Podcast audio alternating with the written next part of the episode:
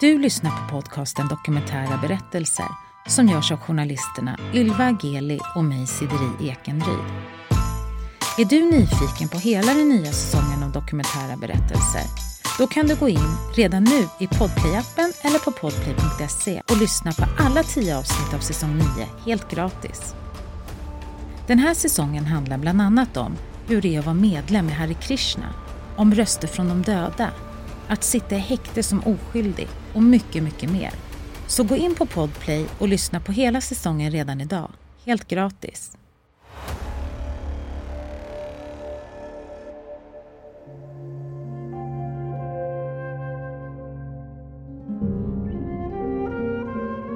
Utskurna figurer av elfenben som liknar små djur är de äldsta konstverken som hittats i Europa. De upptäcktes i grottor i södra Tyskland och beräknas vara omkring 40 000 år gamla.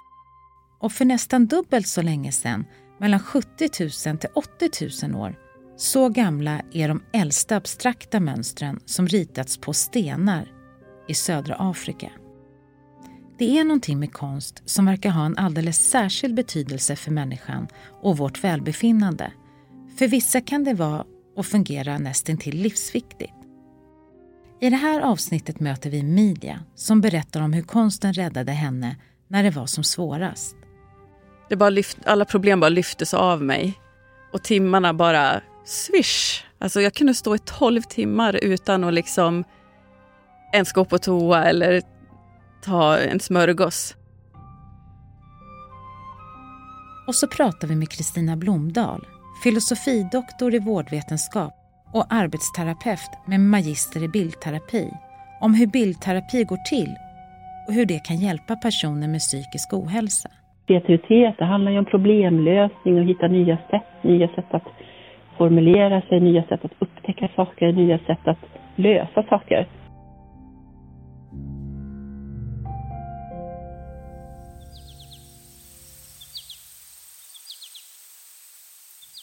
Där finns bland annat en bild på mig när jag håller i en get i ett koppel. och så var det. Det var på en bondgård. Emilia föds på Falu lasarett som yngst av tre syskon. Det är en barnen i Bullerby-miljö med massor av kompisar ute och tidigt får hon en nära kontakt med djur. Något som jag är väldigt tacksam över idag det är ju alltså de naturupplevelser som jag fick tidigt, som jag nog skulle se som min innersta koppling till mitt inre andliga liv faktiskt. För det, de upplevelserna grundade mig sen när det var tufft under min uppväxt. Då gick jag ut i skogen och jag var inte så gammal, 9-10. Och mötet med djur, jag minns jag mötte, kom väldigt nära ett korppar kom nära deras bo och de liksom cirklade ner mot mig för att, att skydda det här boet. Då. Det var en väldigt häftig upplevelse och vara helt själv i skogen och uppleva det och så. Och ibland kunde jag gå och lägga mig nere på bryggan. Det var en liten, liten skogskärn i den här lilla byn då, som vi växte upp. Eh, då kan man ligga ensam en hel dag på den här bryggan och ligga och lyssna på det här klucket under bryggan och höra någon fisk skvalpa till i vassen och sådär. Och eh, jag, behöv, jag behövde den där egentiden och jag grubblade mycket. Eh, så jag har alltid varit en tänkare. Plus att det fanns väldigt mycket i min uppväxt under den här idyllen att processa. Så att eh, eh, min livsresa kanske inte har varit runt hela jorden och fram och tillbaks, men en väldigt lång resa inåt. Eh, och det är väl där också konsten kommer in. Men under ytan så är det inte så perfekt som det kanske ser ut utåt. Hennes pappa är känslomässigt frånvarande och det blir början på en uppväxt som är psykiskt påfrestande. Och det där har jag ända sedan jag var liten grubblat över. Vad är det? Och som barn så normaliserar man ju och utgår från sig själv också och tänker vad är det för fel på mig? Varför Um, ja, men säg inte pappa att han älskar mig, eller varför får jag ingen kram? Eller varför är han irriterad så fort jag inte gör precis som han har tänkt sig? Eller varför... Eh, han gick aldrig in på mitt rum när jag var liten. Han bara stod och tittade in. Kroppsspråk, blickar. Han kunde kasta såna här arga blickar och man undrade vad tänker han nu, vad har jag gjort för fel? Så var, hela tiden var jag på spänn och övertolkade. Och förstod aldrig logiken i det. Något som jag har förstått som vuxen. Men som barn och ung vuxen så har jag verkligen fått jobba med de här grejerna. Skulle du säga att du var rädd för din pappa när du var liten? Ja, det ska jag säga. Um, han slog mamma en gång. Men det vart liksom förlåtet direkt, för det var inte likt honom. Liksom. Men eh, min rädsla var mycket mer den här mentala när man såg i hans ögon att han var arg, när han riktade ilska. För jag var en sån här, jag ville så gärna vara till lax. Jag ville vara så duktig och jag vart den här duktiga flickan. Men som aldrig, aldrig fick... Eh, man redde aldrig ut om det var en konflikt. Och han var väldigt... Ja, men leta, för det kunde vara att jag skrattade vid matbordet och han tyckte inte att mitt skratt var fint. Och så kunde han härma det och, och häckla det. Liksom i en sån vardag blir man ju rädd och blir, liksom man... Ja, och jag var ju sån, jag ville sträcka ut och visa att jag var snäll och allting sånt här, men det möttes aldrig. Det fanns inte det här mötet. Så den dynamiken gjorde mig ju väldigt sårbar. Jag vet, jag, jag grät väldigt mycket på kvällarna och låg och funderade på det här. Det plågade mig väldigt mycket. Um, och då vart ju skogen en sån plats där jag kunde gå ut och gråta och på något sätt, det låter ju kanske konstigt, men jag upplevde att jag fick kärlek av naturen. jag blir rörd när jag tänker på det. Eh, och i naturen kände jag att jag fick... Eh, jag kopplade upp mot något som var större än mig. Där fanns liksom... Ja, men det är väl att i naturen blir man så i nuet, liksom. Där finns det inga problem. och skönhet och liksom att verkligen ta in dofter och ljud och det här när man kommer nära ett djur och båda står stilla och tittar på varandra. Och, ja, men det, det är ju en magi i det där alltså. Så att... Eh, och det, det är lite lustigt när jag tänker på det. Det har pappa också, för han är jägare och mycket ute i skogen. Så att det vet jag att han också har, även om han aldrig har satt ord på det och delat med sig av det, så vet jag att han söker sig också till skogen. Också fint att tänka att i grunderna är vi ju lika där, även att han inte har förmåga att sätta ord på det.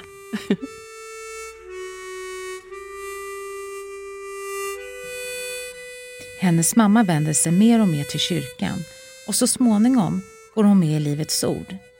Emilia är åtta år och får följa med. Det är mycket barn och härlig musik och så får hon följa med på läger utomlands. Men det är också svårt att förhålla sig till alla regler.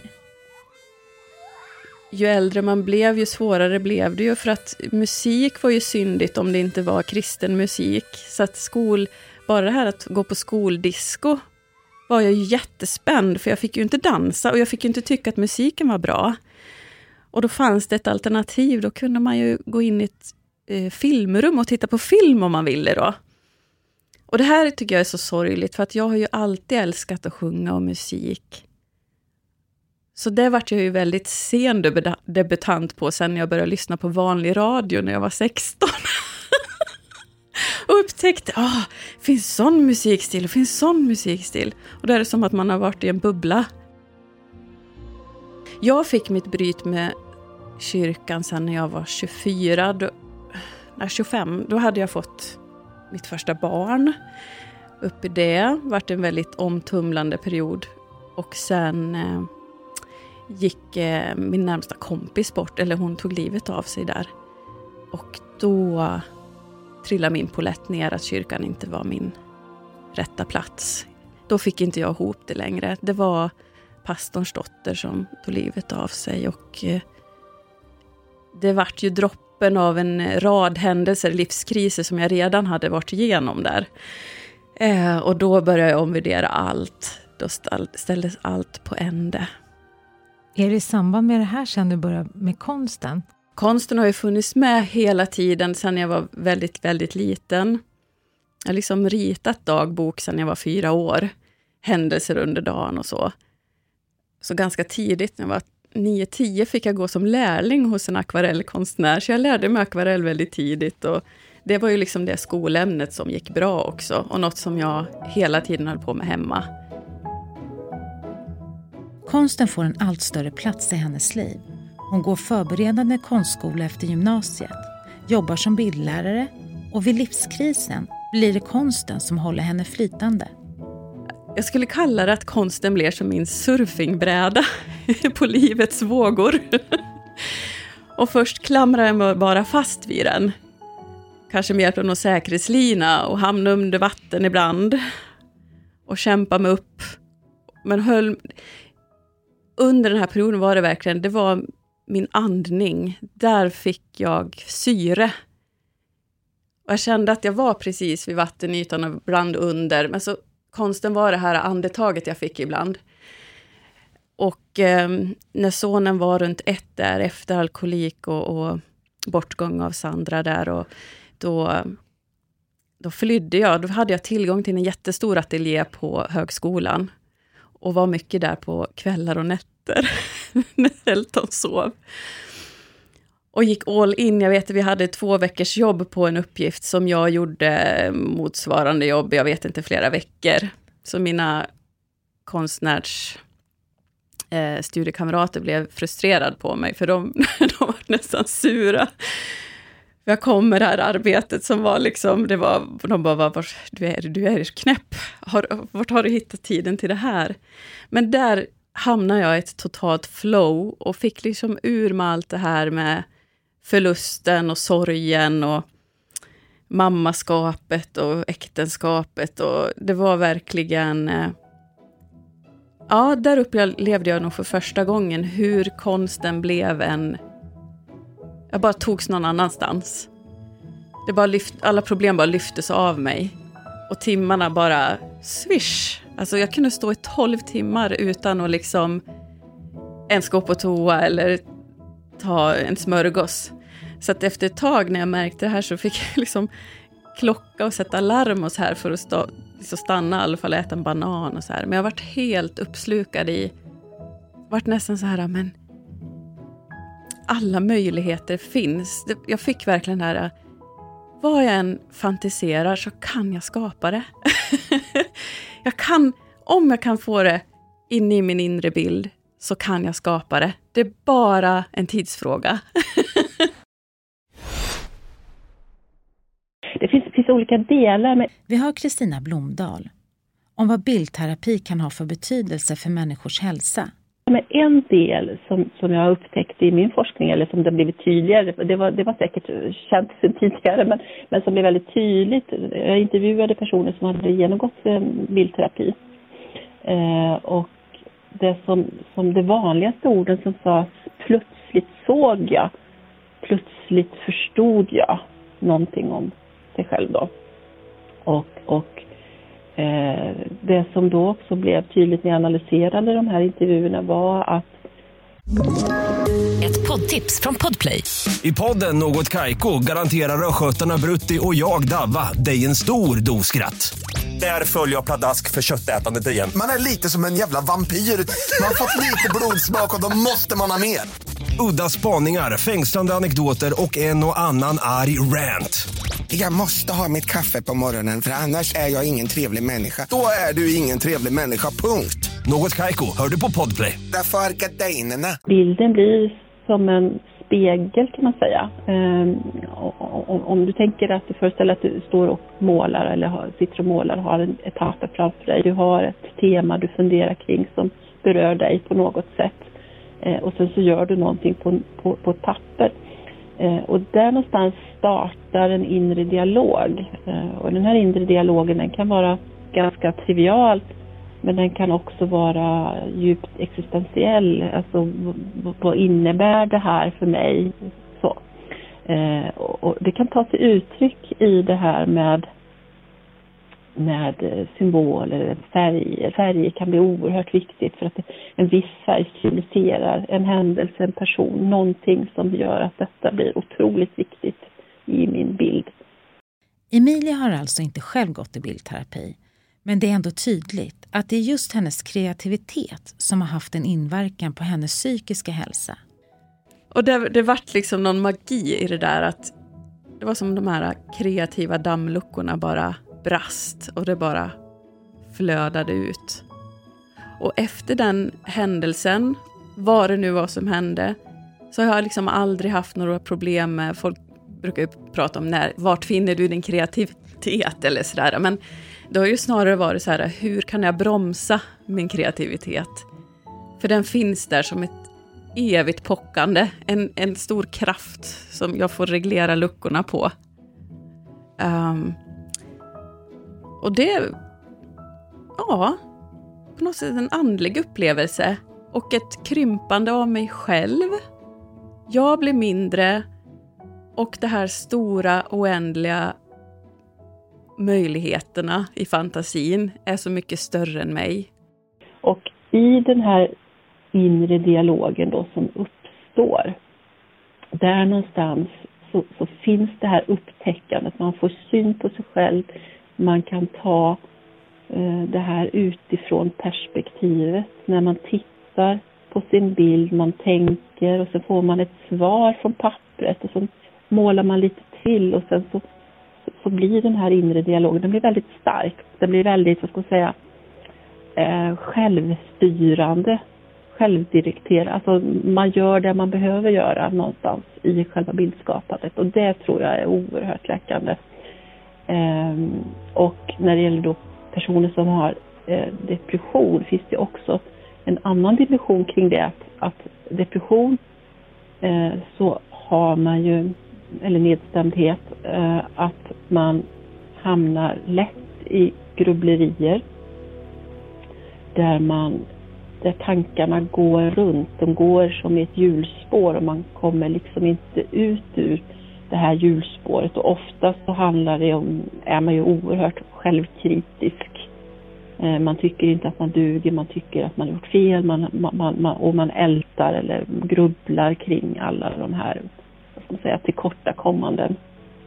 Och det som händer då när man skapar bilder och man får input på ett sätt så, eh, man, eller man, man, får ställa frågan till sig själv på ett nytt sätt åtminstone. För de flesta är ju ovana att måla. Att man på så sätt når andra delar av sig själv. Eh, som gör att man kan komma ur den här, den här hjulspåret med tankar. Man blir nyfiken nu, den här, det här examensarbetet eller det här ja. två veckors arbetet. Vad var det det var? Vad blev det? Ja, det låter så galet, men det här var ju Jönköping och de har en sån vacker byggnad från 1500-talet mitt på ett torg där. Um, ett gammalt rådhus, rappat rådhus i rött och vit puts. Och det här byggde jag i skala 1 till 12 Minutiöst skar ut varenda fönster, satte små glas i, skulpterade alla såna här utsmyckningar i gips då till den här fasaden. Sen invändigt gjorde jag handgjorda tapeter. Jag drog el med små ljuskronor i små kristallpärlor, vet du, och eh, kök, ja men ah, allt. ja, takpannorna gjorde jag en och en också. Och klistrade dit. Och, ja.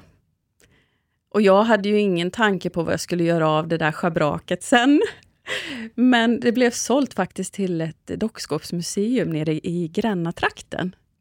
Och sen gick det ju över i alltså målningar där jag liksom började eh, skapa utifrån mig. Det här var ju en skoluppgift, men eh, då började jag ju måla motiv på mina känslor och relationen till min man. Och, och jag upptäckte att sånt jag inte kunde dela med mig med människor i min närhet som var liksom för djupa och jobbiga, som hade med vår relation att göra, det kunde jag sätta bild på, så i alla fall jag förstod.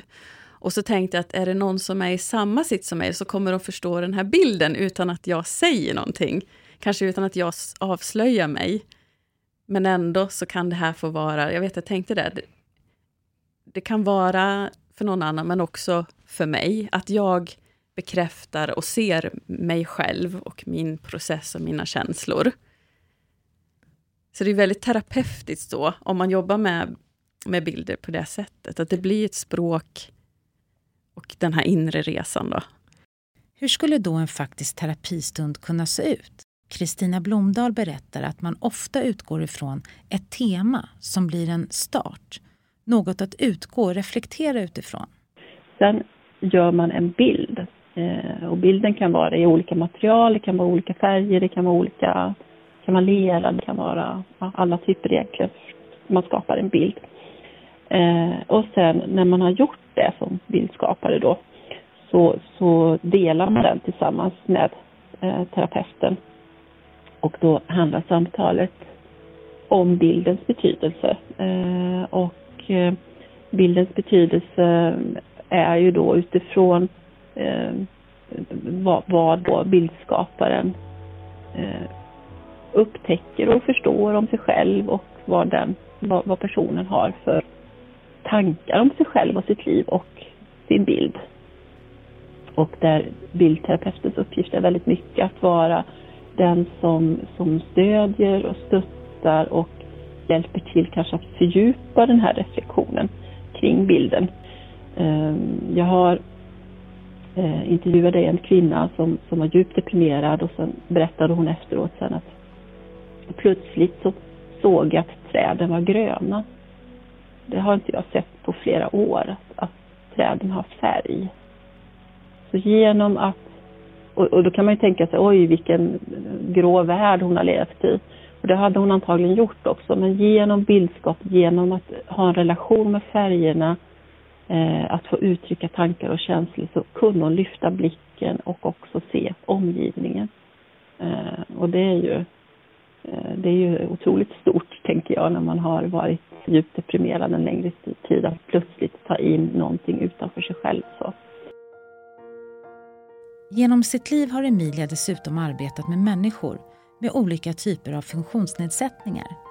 Det ska så småningom leda henne till ett tv-program på SVT med Lars Lerin, Lerins lärlingar.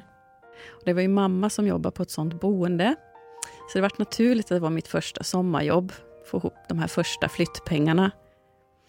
Och parallellt med mina studier så fanns det ju, varje ort jag kom till så fanns det ju de här boendena.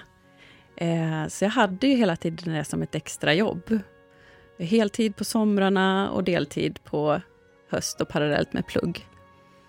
Eh, ja, så det där har ju funnits med mig hela, hela tiden. Och sen blev det ju mer och mer eh, när jag började jobba som bildlärare så upptäckte jag att jag hade liksom blivit präglad och längtat tillbaka till de där människorna. Jag saknade Eh, de samtalen, den samvaron och den kontakten. Så sen när jag hade kommit ut som bildlärare så sökte jag mig ändå tillbaka till, till omsorgen då, och började som, eh, ja, vad ska man säga, kreativ projektledare inom daglig verksamhet. Uh, många samma personer som jag hade jobbat med i tio år fick jag helt plötsligt att jobba med bild och form med och sådär. Och uh, kommunen byggde en ny verksamhet där det här skulle vara centralt. Filmmakeri, musik, bild och form, skapande. Så det hade vi, vi hade väl byggt upp den arbetsplatsen där i två års tid när vi fick besked från Lerin att det skulle bli en tv-serie. För de som inte har sett den, vad är det som händer? Vad var tanken kring den? Ja, jag tror man vill visa för det har ju gått massa olika trender inom, inom hur man ska jobba i de här dagliga verksamheterna. Men det är väl att visa att konsten har just det här, äh, den här förmågan att dels mötet mellan människor, att man öppnar upp sig för varandra och man kan liksom se varandra genom bilderna. Också motoriskt. Och här har vi ju människor som är utan språk, men kan genom sina bilder verkligen förmedla sin upplevelse av livet och deras detalj... Uh, intelligens liksom. Jag vet inga som kan fånga porträtt så bra, för jag menar, även om en person inte har språk, så har den ögon och kan få in så mycket intryck och sen få ner det på papper. Så att det estetiska kan ju verkligen hjälpa till att visa en persons intelligens som kanske är dold där bakom. ha kul ihop och sen också att hitta gemensamma saker att göra ihop är ju också en sån sak. När det är lätt att bli isolerade om man är, ja, kanske inte hittar någon som är likadan, men man kan enas kring en aktivitet och skapandet. Det verkar helt enkelt finnas en riktig styrka i bildterapin. Vi hör Kristina Blomdahl igen. Mycket av vår ohälsa handlar om att man inte att man faktiskt inte reflekterar över sig själv och att man, att man hellre tittar på eh, mobilen, att kanske uttrycka eller göra någonting mer konstnärligt. Och det är ju mycket det här att samhällstiden och de signaler man får. Men, men har man andra sätt att uttrycka sig, det är inte alla som är duktiga med ord utan man behöver andra uttryckssätt. Um, och också liksom att stanna upp och fundera över sig själv och vad man tycker och vad man tänker och vem man är och vad man vill och sådana saker. Det kan man ju göra egentligen genom alla typer av konstnärliga inriktningar skulle jag nog vilja säga. Man ger uttryck för sig själv eller som, alltså att, man, att man kommunicerar vad som är viktigt för en. Men däremot om man har, eh, ska man säga, problem utifrån att man har svårt att hantera svåra känslor, att man har svår ångest eller om man är djupt deprimerad eller att man har, alltså, att, att man har mer att man behöver hjälp. Då skulle jag nog vilja säga att bildterapi kan också vara, eller bildskapande kan ju vara väldigt kraftfullt. Eh, precis som det är positivt att upptäcka saker om sig själv, så som jag beskrev tidigare, Eh, så kan det också vara skrämmande och att man kanske ser mer än vad man vill se. Eh, och särskilt om man har svårt att hantera känslor, då behöver man nog göra det inom, i en trygg miljö där det finns liksom utbildad personal eller om det finns eh, alltså tillgång till att få hjälp att hantera svåra känslor. Precis på samma sätt som alla andra typer av psykoterapi då egentligen. Hon betonar också att jobbet med kreativitet inte behöver vara så avancerat. Vi är ju olika kreativa om man säger så. De som är riktigt kreativa, de får ju utlopp för detta. Men om man är sådär lite lagom kreativ, eller inte kreativ alls, men, men ändå eh, så tänker jag att bara det här att sitta och, och krafsa, liksom, eh, alltså klottra på papper kan vara otroligt välgörande. Det behöver inte vara konst alltid, det kan vara liksom det här privata man bara gör liksom, ja men som att skriva dagbok, det är ju ingenting som de flesta visar upp, upp utåt eller så, utan det här är någonting som man har för sig själv. Och det skulle lika gärna kunna göra att man gör en klotterdagbok. Man behöver inte alltid skriva, utan man gör en sammanfattande bild över hur dagen har varit genom ett klotter.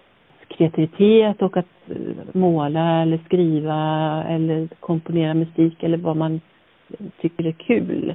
Det behöver, alla behöver ju inte vara excellenta utan man gör det för sin eget välmående och för att man liksom vill det kan vara många olika bevekelsegrunder men, men bara liksom att sammanfatta sin dag det kan vara jätteviktigt. Att stanna upp. Tänka till men hur har dagen varit idag? Och sen så gör man ett litet klotter kring det. Eller en bild eller hur man nu gör det. Eh, då stannar man upp, man får samla tankarna och känslan och så kan man lägga det åt sidan. Idag består Emilias konst av framförallt collagebilder. Det är i ateljén hon bearbetar det hon upplever. Idag använder hon Snövit som mellannamn som konstnär. Hennes snåriga väg i livet med kriser kan påminna om den mörka skog Snövit gick in i. Men det blir också som en blinkning till all tid i skogen med djuren som liten och mötet med korpparet hon minns än idag. Jag hörde en forskare nu som har forskat på just korpar, som är ju ett av våra mest intelligenta djur. Det är väl delfin och ett par till sådär, men de är otroligt intelligenta. Och eh, det var länge man undrade varför de lekte så mycket. Man kunde inte riktigt förstå, för att de lekte flera gånger om dagen. Eh, många gånger ganska banala, oförklarliga lekar. Liksom. De snodde något av varandra och så ryckte de tillbaka och, och det var verkligen lek. Tumla runt och höll på. Uh, och liksom släppte på den här vaksamheten som då rent logiskt skulle kunna vara en överlevnadsgrej och väldigt central. Men helt plötsligt leken gick före att skydda sig från en räv eller vad det skulle kunna vara. Och då har man undrat, ja, men evolutionärt sett, då, varför är leken så viktig? Och då menar man på det att leken tränar ju hjärnan att tänka i nya banor. Och på sikt bli mer överlevnadsstark. Att hitta nya strategier, träna på oväntade situationer, fintar. Jaha, nu kom det något från det hållet. Att den intelligenta hjärnan behöver få leka för att hålla sig fräsch och kunna vara anpassningsbar. Och det kopplar också till konsten, att vara kreativ. Att vi, vi behöver få leka. Leken är så mycket viktigare än vi anar.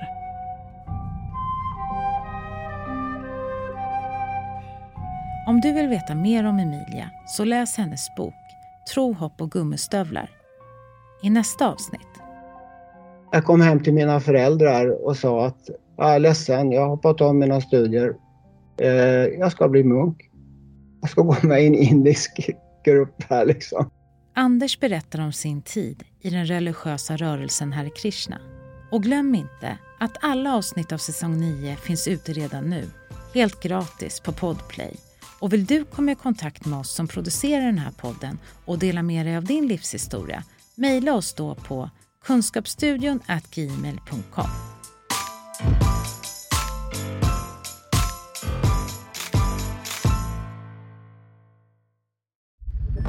Podplay, en del av Power Media. Ett poddtips från Podplay. I fallen jag aldrig glömmer djupdyker Hasse Aro i arbetet bakom några av Sveriges mest uppseendeväckande brottsutredningar. Går vi in med hemlig telefonavlyssning och, och då upplever vi att vi får en total förändring av hans beteende. Vad är det som händer nu? Vem är det som läcker? Och så säger han att jag är kriminell, jag har varit kriminell i hela mitt liv men att mörda ett barn, där går min gräns. Nya säsongen av Fallen jag aldrig glömmer på Podplay.